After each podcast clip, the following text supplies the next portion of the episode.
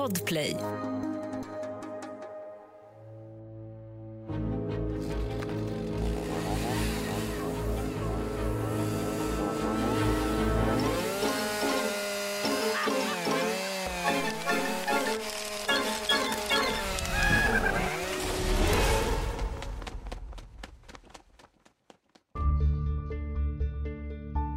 Jan har fått nog. Hans hem skulle kunna vara rena paradiset. Men en sak stör honom.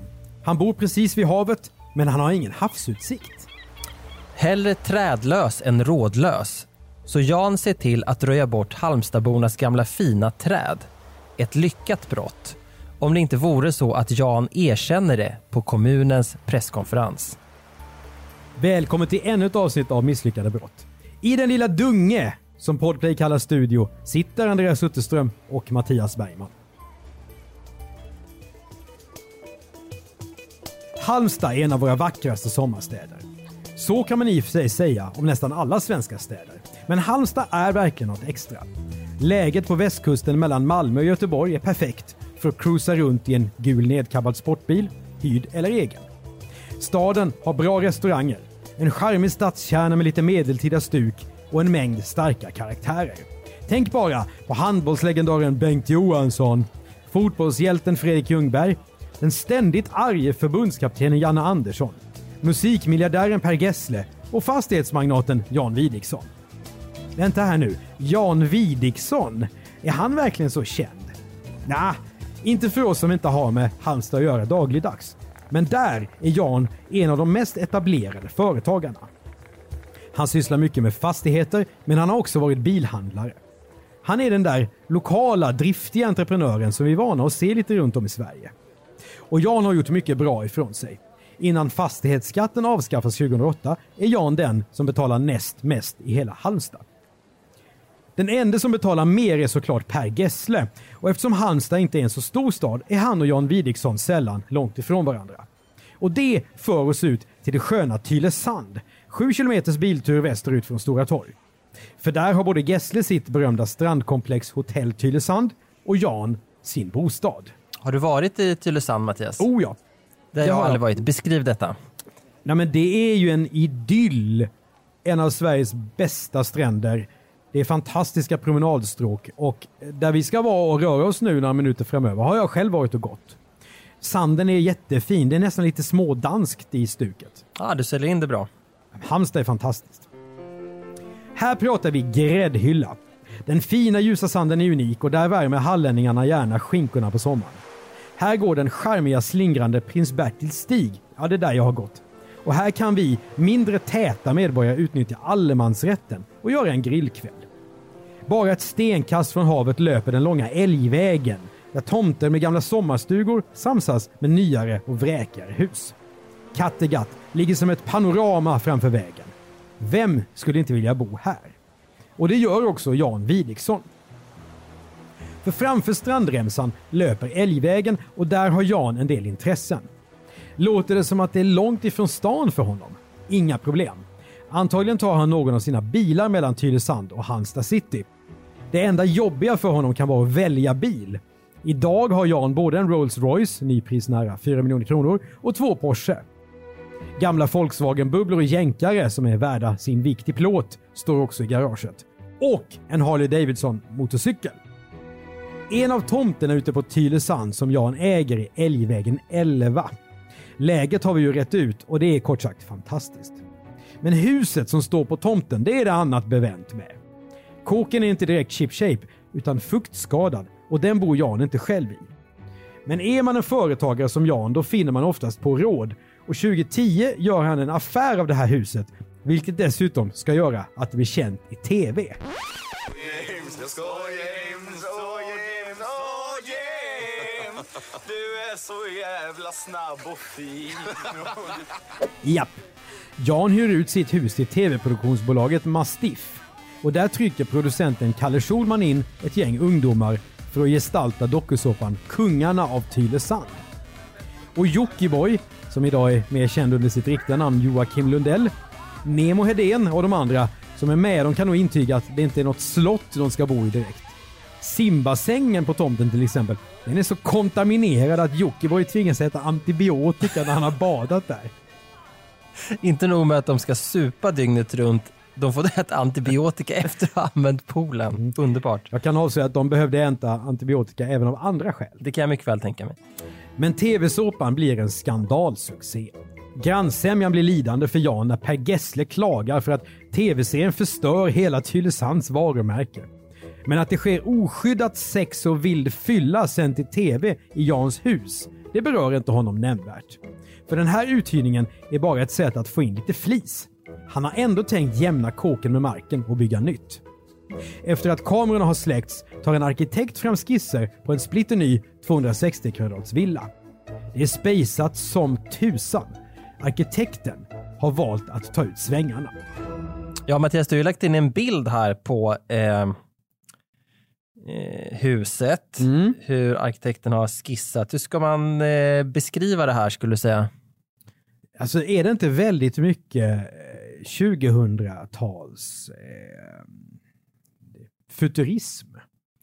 Ja, Det är, raka linjer, ja. det är glas. Alltså lite som det ser ut i lyxigare tv-såpor i Los Angeles eller så. Om det var en större byggnad, alltså som var tio gånger så stor och man såg den på håll, då skulle jag tänka mig att det här skulle typ kunna vara ett konstmuseum. Just det. Mm. Det, det är så brukar de se ut. Det har du rätt i. Fy fan, det var det jävligaste säger Jan när han ser arkitektens planer för huset som ska kallas för Villa Vidik. Men han faller snart för idén. För arkitekten har fattat galoppen. Här handlar det om att rita fram ett hus som både kan få godkänt av de som bestämmer och som har havsutsikt. För det saknar man nämligen på Älgvägen 11. Och bor man här, 200 meter från strandkanten, då vill man se när havet möter himlen. Därför har arkitekten ritat in att till och med poolen ska stå på pelare. Det viktiga är att man kan se havet. Man vill ju inte stirra rakt in i en bergvägg. Säger Jan till en reporter. Rubriken är klar. Nya huset som kan bräda Gessle, skriver Kvällsposten. Mattias, i en av Killinggängets de här fyra filmerna så eh, handlar det om ett par som bor typ i Ystad eller någonting. Då sitter de och läser varsin Hen- Henning Mankell-bok, samma bok. Eh, det är Robert Gustafsson och Maria Kulle som spelar dem och då är det ju alltså eh, huset byggt så att de eh, sitter med ryggen mot eh, vattnet. Ja, just det. Eh, ungefär, ungefär, och det är liksom okommenterat. Det är bara någonting väldigt roligt i att de skiter i havsutsikten och sitter åt andra hållet. Och eh, Annars så verkar folk vara beredda att göra väldigt mycket och betala väldigt mycket. Både för hus som ska byggas och hus som ska hyras på semestern för att det ska vara just havsutsikt. Jan Widiksson hade inte suttit och läst med ryggen mot havet. Så långt kan vi sträcka Ja, oss. det anar jag. Ett poddtips från Podplay. I fallen jag aldrig glömmer djupdyker Hasse Aro i arbetet bakom några av Sveriges mest uppseendeväckande brottsutredningar. Går vi in med hemlig telefonavlyssning och, och då upplever vi att vi får en total förändring av hans beteende. Vad är det som händer nu? Vem är det som läcker? Och så säger han att jag är kriminell, jag har varit kriminell i hela mitt liv men att mörda ett barn, där går min gräns. Nya säsongen av Fallen jag aldrig glömmer på Podplay. För pool på pelare. Vad är det som gör att den här bassängen måste stå så högt upp? Jo, här behöver vi stanna till vid det som finns på ytan mellan Älgvägen och själva stranden. Där ligger nämligen strandskogen, anlagd redan på 1850-talet. Och här växer bland annat bergtall, rödek, glasbjörk, ek och oxel. Och här kan jag avslöja för dig som lyssnar att Mattias valde nu bort de latinska namnen som du av någon anledning har lagt in i manus. Eh, Vill du... Ska vi ta igen det eller? Nej, jag tror vi besparar lyssnarna. Jag ville bara ge dig en guldstjärna för, for effort så att säga. Den här skogen är till för att förhindra sandflykt som det heter. Och de vackra träden bidrar också till den biologiska mångfalden. Och kanske framför allt, det här är ett vackert promenadstråk som varenda Halmstadbo älskar och kan ta del av. Sommar som vinter. Men det är ju inga småbuskar vi pratar om här. För att få havsutsikt från Älgvägen behöver man alltså ha högt läge. Och det är därför som Jans nya hus är tänkt att se så märkligt ut och ha bassängen belägen högt över markplan. Men nu blir det problem. För Jans arkitektritningar visar tydligt att huset helt enkelt är för högt för att han ska få bygglov. Grannarna är inte heller nöjda och sånt spelar roll när de kommunala kvarnarna som håller fram godkännanden ska jobba. Den genomsyrande tanken kan inte vara att tänja på gränserna och böja på varenda regel för att få igenom ett bygglov. Skriver en av dem som klagar till kommunen. Jan tvingas ta fram ett nytt arkitektförslag och gör en mängd ändringar, bland annat i bassängen. Det är egentligen för jäkligt att jag inte får någon pool. Jag har Behchterews sjukdom och måste simma varje dag. Säger han till en journalist. Bechdrevs sjukdom är enligt 1177 en inflammation, framförallt i muskelfästen och leder, som gör att man blir trött, stel och riskerar att få dimmig syn. Tyvärr så räcker inte det här för Jan, utan det blir nya turer och nya förslag som vi inte ska trötta ut lyssnarna med. Det tar flera år och till slut så blir det avslag i domstol för huset. De där förbannade träden. Om det inte vore för dem så skulle allt vara frid och fröjd. Men som många duktiga näringslivspersoner är Jan pragmatisk och konstruktiv. Och Älgvägen 11 är ju inte den enda tomten han har på den här gatan. För själv bor han sedan över 20 år tillbaka i en vit dröm på 568 kvadratmeter lite längre bort på vägen. Nu är det 2018 och Jan är 70 år. Älgvägen 11 tycks han ha tröttnat på rejält. Den har han satt ut till försäljning och har två intresserade köpare. För att hålla intresset uppe har han placerat en av sina gamla mäklarskyltar vid uppfarten, alltså den där till salu-reklamen som man brukar se. Köpare av huset blir förresten en av miljardärerna i nätkasinoföretaget Evolution Gaming. Men nu ska både vi och Jan lägga Älgvägen 11 bakom oss, för Älgvägen nummer 19 är intressantare och den fastigheten har Jan köpt året innan, 2017. Tomten är 4000 kvadrat så den kan styckas av och säljas. Jan kommer sedan att lägga ut en fjärdedel av tomten för 12,5 miljoner kronor. Han planerar nu att slå upp en ny kåk på den här tomten. Men den starkaste orsaken till köpet av Älgvägen nummer 19 är en annan. Här finns det bättre chans att få fram den åtråvärda havsutsikten. Visserligen löper den vackra strandskogen framför den här tomten också, men kanske finns det en utväg. Mattias, du som är uppväxt vid kusten, förstår du den här jakten på den perfekta havsutsikten? Inte perfekta havsutsikten, men havsutsikt överhuvudtaget. Och om du tycker att det är så konstigt så kolla bara på taxeringsvärdena och på priserna på villor. Jag tycker inte att det är konstigt, men, men den här mannen tycks ju vara beredd att lägga väldigt mycket pengar och tid på havsutsikt. Ja, men det finns ju för mycket stakes här. Alltså, eh, han har ju köpt en tomt som är stor och bra och det har han råd med. Men han vet ju att om han har havsutsikt, då ökar ju värdet med kanske gånger fyra på den där tomten. Och Jan är ju affärsman. Exakt, mm. det var lite det jag ville åt. Älgvägen på Tylösand i Halmstad, augusti 2018. Grannarna här ute och en person som promenerar vid stranden hör de här dagarna vågorna från havet uppblandas med ett ovanligt men mycket lätt igenkännbart ljud. Det rivande, obevekliga ljudet av motorsågar.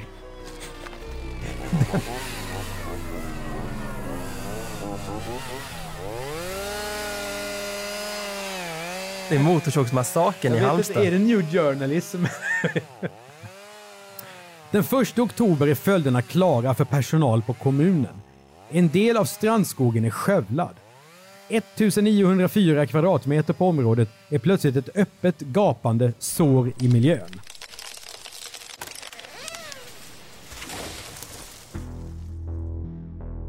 Någon har helt sonika sågat ner de gamla, långsamt växande träden träd som stått ganska precis framför tomten Älgvägen 19. Det blir polisanmälan. Jag försöker tänka här nu, 1904 kvadratmeter, hur mycket det liksom är. Men det är ju en hel del. Där, det har eh, gått loss ordentligt med motorsågarna här. Det är ju drygt 40 meter i kvadrat. Ja, för det här är skog, det är ju inte sly, det är riktig skog. Det är ju ekar och ja. du, ska jag behöva förhöra dig på latinet? Nej, jag bara tänker att här har någon jobbat på, det här, det här jobbet är inte gjort eh, i en handvändning så att säga. Du menar om det här har hänt så att säga av misstag? Det har det inte. Nej, jag menar att de som har gjort det här har arbetat x antal timmar med detta projekt. Du ska snart få höra hur mycket träd vi pratar om. Mm. För vem är det då som kan ställas till svars när det blir polisanmälan? Ja, det är inte helt svårt att lista ut. För Jan Widiksson erkänner utan omsvep att han står bakom trädfällningen. Och det gör han dessutom offentligt i stans stora lokaltidning Hallandsposten. Nu har jag hjälpt kommunen att snygga till. Titta bara hur fult det ser ut i dungen intill. Säger Jan till reportern Anders Holmer och fortsätter. Innan ni hänger ut mig i tidningen borde HP göra ett reportage om träden som blåst ner vid Tylebäck. Det är ingen snygg reklam för Halmstad när det kommer hit turister. Dessutom kan träden som lutar vara livsfarliga om någon går där med barnvagn. Ja, inte nog med att Jan uttalar sig ungefär som en landskapsexpert. Han visar dessutom varken ånger eller skuldkänslor. Han tycker att det han gjort är något bra, bra för hela Halland. Den dag det brinner är nog folk glada över att jag gjort en brandgata i den täta vegetationen. Säger han.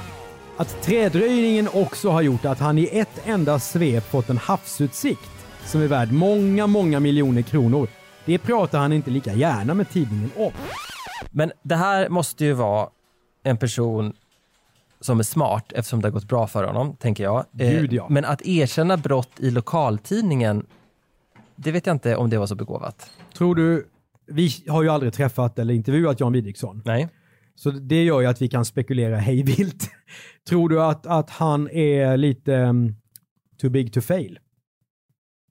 Ja, eller tycker att eh, åker jag dit för det här så då får jag böter och det är det värt. Kanske. Det får, vi får aldrig veta riktigt hur han Nej, tänker kring men den man kan, man kan konstatera att det är ju inte helt vanligt att folk eh, eh, erkänner eh, brott i tidningen. Nej, det är särskilt inte personer som är, som du säger, så pass genomtänkta och etablerade som Nej. Jan. Det är ett mycket speciellt brott på det sättet. Ja, det är det verkligen. Skövlingen av strandskogen blir en stor lokal nyhet. Teknik och fritidsförvaltningens chef Anders Thorén ordnar presskonferens på området, alltså mer eller mindre vid Jans uppfart.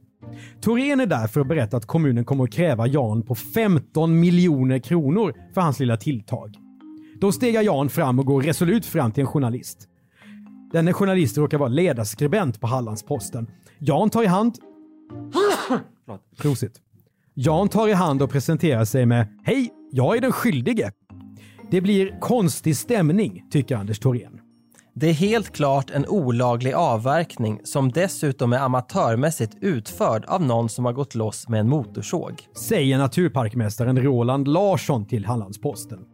Det låter hårt, för det är ju inget hastverk att få bort träd på en yta som är 43 gånger 43 meter. Faktum är att många av stubbarna efter träden till och med är noggrant bortfrästa. Apropå det vi pratade om innan. Det är som att man ska aldrig ens komma ihåg att det stått träd här. Nu inspekterar utredarna området i det höstruskiga Tylösand. Men vi kan gå inomhus istället och hoppa fram till rättegången. Olaglig trädfällning, ja då handlar det om egenmäktigt förfarande och grov skadegörelse. Jan själv är åtalad på fem punkter varav tre handlar om anstiftan. Alltså att han skulle ha gett i uppdrag åt någon av de andra i åtalet att hugga ner träden. Det är nämligen ingen som tror att Jan själv, mångmiljonären, har tagit fram någon Black Decker i sitt garage. Sammanlagt åtalas fyra personer. Alla nekar och om Jan har varit öppenhjärtig i medierna så är det slut med det när polisen sitter mitt emot och håller förhör. Först säger han att han inte alls skövlat någon skog utan att det har varit någon annan. Han har bara varit där och snyggat upp efter den andra. För han är en person som liksom inte klarar av att se när det ligger skit i oordning. Men i de två polisförhör som följer sedan, ja då tiger han som muren. Förmodligen är det Jans försvarsadvokat som givit honom det rådet. En advokat som förresten inte är det minsta nöjd med det svenska rättssystemet. Han underkänner nämligen att nämndemän från Halmstad ska döma i tingsrätten. De är ju politiskt kopplade och då kan de inte vara objektiva, tycker advokaten. Nämndemän från en annan ort borde sitta i rätten istället. Ja, om man ska dra det resonemanget till sin spets, då blir det ju svårt att ha mindre domstolar överhuvudtaget. Eh, nästan omöjligt. Ja. Och tänk dig administrationen av nämndemannasystemet. Ja. Det är ju inte världens tyngsta argument att eh, istället för att inrikta sig på, eh, det kanske han gör också, s- eh, saker, motargument som har med liksom själva sakfrågan att skjuta in sig på sådana här saker. Det brukar tyda på att man kanske inte har superbra, eh, på, a- mycket annat att komma med helt enkelt. Men så är det ju. Jag tänker också på att han målar ju upp en bild av att Jan skulle vara någon slags hatad person på orten. Om det är så att de här nämndemännen är så, är så biased. Ja, och det vet inte jag för jag kan inte Halmstad, men man kan ju ana att eh, eftersom den här personen från kommunen väljer att hålla en presskonferens i det här, på det här området som ligger nä- väldigt nära Jan, att han åtminstone att han kanske har en del ovänner i byråkratin. Det är min Ah, slutsats. du misstänker det? Mm. Mm. Ja, nej, det här med att, att eh, byta ut hela nämndemannagruppen eh, blir det inte av, men en nämndeman byts ut på grund av jäv, för hon jobbar inom kommunen. Men allt uppsnack inför eh, rättegången bidrar såklart till att när det är dags för förhandling är rättssalen fylld till bredden av folk. Inte minst av reportrar som ledarredaktör Mattias Karlsson på HP. Jan Widiksson ska vara tacksam över att det finns ett samhälle utanför hans tomt. Det är på det viset han själv har kunnat tjäna sitt uppehälle. Ja, konstaterar han och visar då på att Jan är ju fastighetsmagnat. Det här är ju ett fall långt från de butiksrån, kidnappningar och komplicerade ekobrott som vi brukar berätta om i den här podden. Men misslyckat är det från början till slut och känslorna svallar starka över just de här bergtallarna och glasbjörkarna. Upp till 447 träd är det vi pratar om och platsen ser nu ut som ett sår och ett onaturligt avbrott i vegetationen, vilket kommunens representant säger i rätten. I rätten hörs också en landskapsingenjör, en mätsamordnare, en kartingenjör, kommunens stadsträdgårdsmästare, en naturparkmästare, två naturvårdshandläggare, en docent inom landskapsplanering samt en trädspecialist. Det kanske låter lite överdrivet, men den här skövlingen handlar om stora pengar, uppskattningsvis 20 miljoner kronor i skador. Det är horribelt. De måste ha räknat varje liten pinne. säger Jan som å sin sida har uppskattat en annan summa för de här skadorna. Noll nämligen. Kommunen äger ju så mycket annan skog som han sagt vid ett tillfälle. Ja, det är ett liv och ett kiv in på minsta centimeter bark i rättegången. Sen handlar det om vad man kallar träd och vad man kallar buskar. Jag vill veta definitionen på träd. Som Jan har sagt till Hallandsposten. Och hans advokat försöker driva att ett av träden som är nedhuggna, bergtall, är en invasiv art. För det skriver Halmstads kommun på sin sajt. Jan nekar hur som helst till precis allting, men han säger att han har uppdraget åt någon annan att röja upp sly. Men det är ingen av de andra som åtalats som det här gäller och Jan vill inte säga vem det är. Han säger att området framför hans tomt har varit fyllt av gammal bråte, ölburkar, engångsgrillar och kylskåp.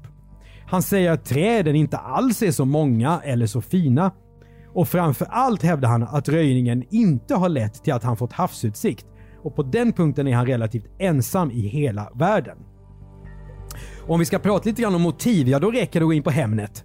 För här är två exempel på priser som Jans grannar sätter ut när de säljer sina hus på Älgvägen ungefär vid samma tid som rättegången.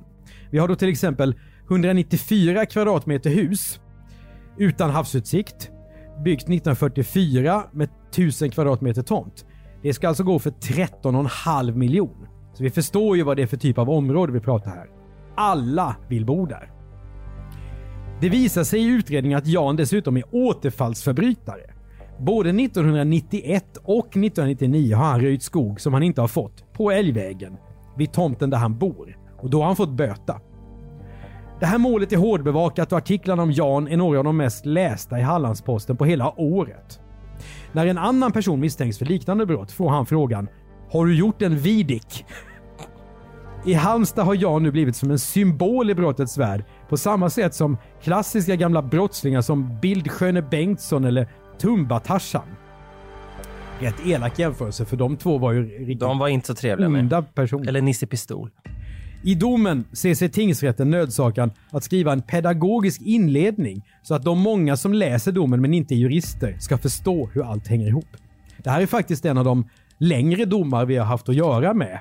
I synnerhet sett till brottets beskaffenhet får man säga.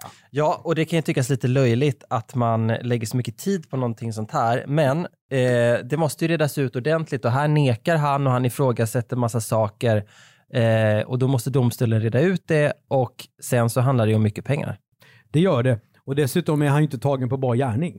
Nej. Utan åtals för anstiftan och det är alltid mer komplext. Ja.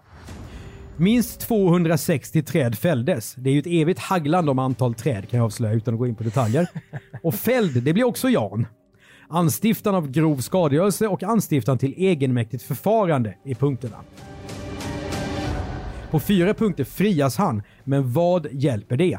Dagsböter blir det på totalt 200 000 kronor plus skadestånd på en halv miljon till kommunen. Ett av Jans bolag, Vidik Börs, ska betala en miljon. Det är nämligen bolaget som äger hans fastighet på Älgvägen. En av de tre andra åtalade döms för medhjälp till egenmäktigt förfarande. De andra två frias helt. Ingen är nöjd. Jan och hans bolag vill bli friade och kränkt är han dessutom. Bind honom vid en stolpe och spotta på honom. Så har stämningen varit. klagar Jan. Åklagarna och Halmstad kommun är också sura och tycker att skadeståndet är för lusigt. Hallandspostens politiska redaktör, som för övrigt bevakar hela rättegången, ställer frågan Om det verkligen räcker för att förhindra liknande brott i framtiden. Nej, överklagandet till hovrätten blir det. Och där blir resonemanget ett annat. Även om rätten som så ofta utgår från vad de redan vet från tingsrättsförhandlingen. Det handlar helt enkelt om storleken på trädskadorna. I tingsrätten utgick de som dömde från en mängd tidigare mål och bedömde värdet på fastigheten där träden låg. Men hovrätten, som också låter juridikprofessorn Mårten Schultz vittna, de väljer att titta på återanskaffningsmetoden. Ungefär hur mycket det skulle kosta att återställa med likvärdiga träd. Dessutom är hovrätten särskilt noga med att den här domen ska ha en preventiv funktion. Alltså, den ska verka avskräckande för andra marodörer med motorsåg som får för sig att såga ner träd som inte står på deras egen mark. Man kan ju tänka sig hur det annars skulle sett ut i Sverige. Om det här var okej. Oj, oj, oj, oj, oj.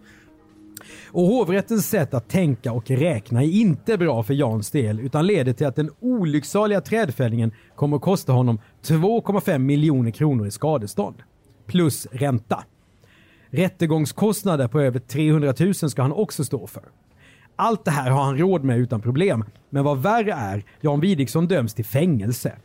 18 månader i finkan ligger i straffskalan men rätten putsar det till 15 månader på grund av Jans ålder. Fängelse för en i övrigt hygglig och skötsam företagare. Jan ger ju inte upp utan går såklart till högsta instans med sina träd. Men högsta domstolen tar inte upp målet. Det fastnar alltså vid 15 månaders fängelse. Ja, och det är intressant. Det kan man tycka att det är alldeles för mycket. Det är ingen som har kommit till skada och så. Men det är ju eh, summan det handlar om. Att det, att det rör sig om så mycket pengar. Ja, och det, vi ska ju komma ihåg här att den här, de här träden planterades ju på 1850-talet. Och om det inte har framgått här av manuset så är ju känslorna starka i rättegången. De som vittnar då från de här landskapsarkitekterna och arboristerna och så, de är ju väldigt, väldigt arga. För det är, de hävdar att det är nästan omöjligt att det här ska bli bra igen. Jag tänker att det finns en parallell här till avsnittet vi gjorde om de här skattletarna på Gotland. Kommer du ihåg det? Absolut. Som var och grävde upp bönders åkrar och Ja. hittade gamla saker från vikingatiden eller vad det nu var. Där var det också eh, stor rättegång med den ena eh, arkeologen efter den andra som vittnade. Och de var ju också väldigt, väldigt upprörda över att den här kulturskatten hade i princip våldtagits, eh, om jag får använda det uttrycket. Låter li- lite likadant här, att de känner sig nästan lite kränkta över att någon kan ha gjort så här.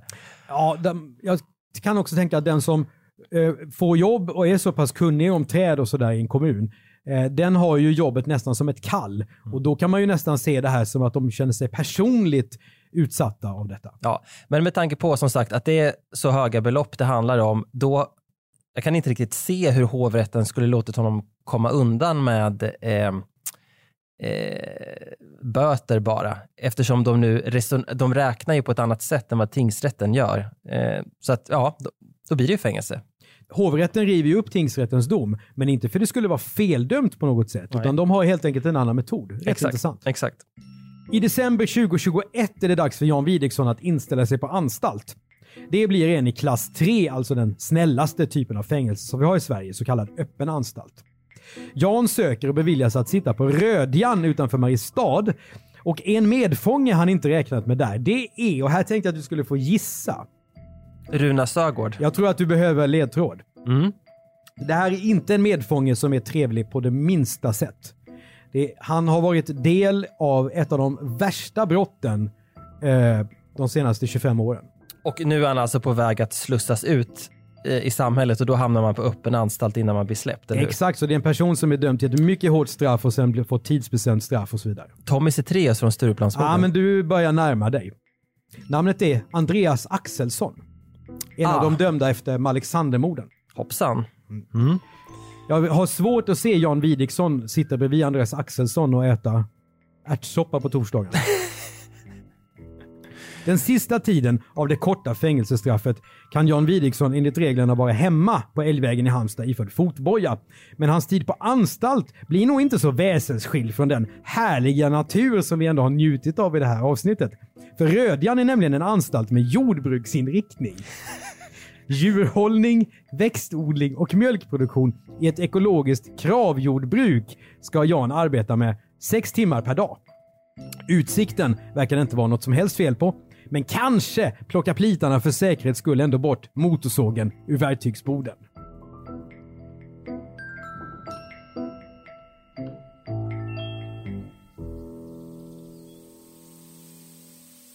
Du har hört ett avsnitt av Misslyckade brott av Mattias Bergman och Andreas Utterström. Exekutiv producent av podden är Jonas Lindskog.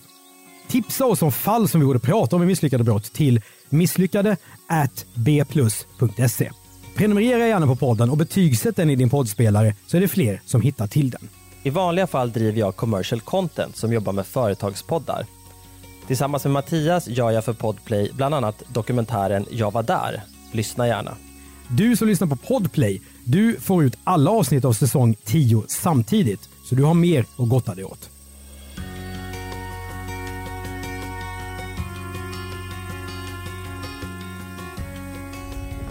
Podplay, en del av Ett poddtips från Podplay. I podden Något Kaiko garanterar östgötarna Brutti och jag, Davva, dig en stor dos skratt. Där följer jag pladask för köttätandet igen. Man är lite som en jävla vampyr. Man har fått lite blodsmak och då måste man ha mer. Udda spaningar, fängslande anekdoter och en och annan arg rant. Jag måste ha mitt kaffe på morgonen för annars är jag ingen trevlig människa. Då är du ingen trevlig människa, punkt. Något Kaiko, hör du på Podplay. Därför är gardinerna.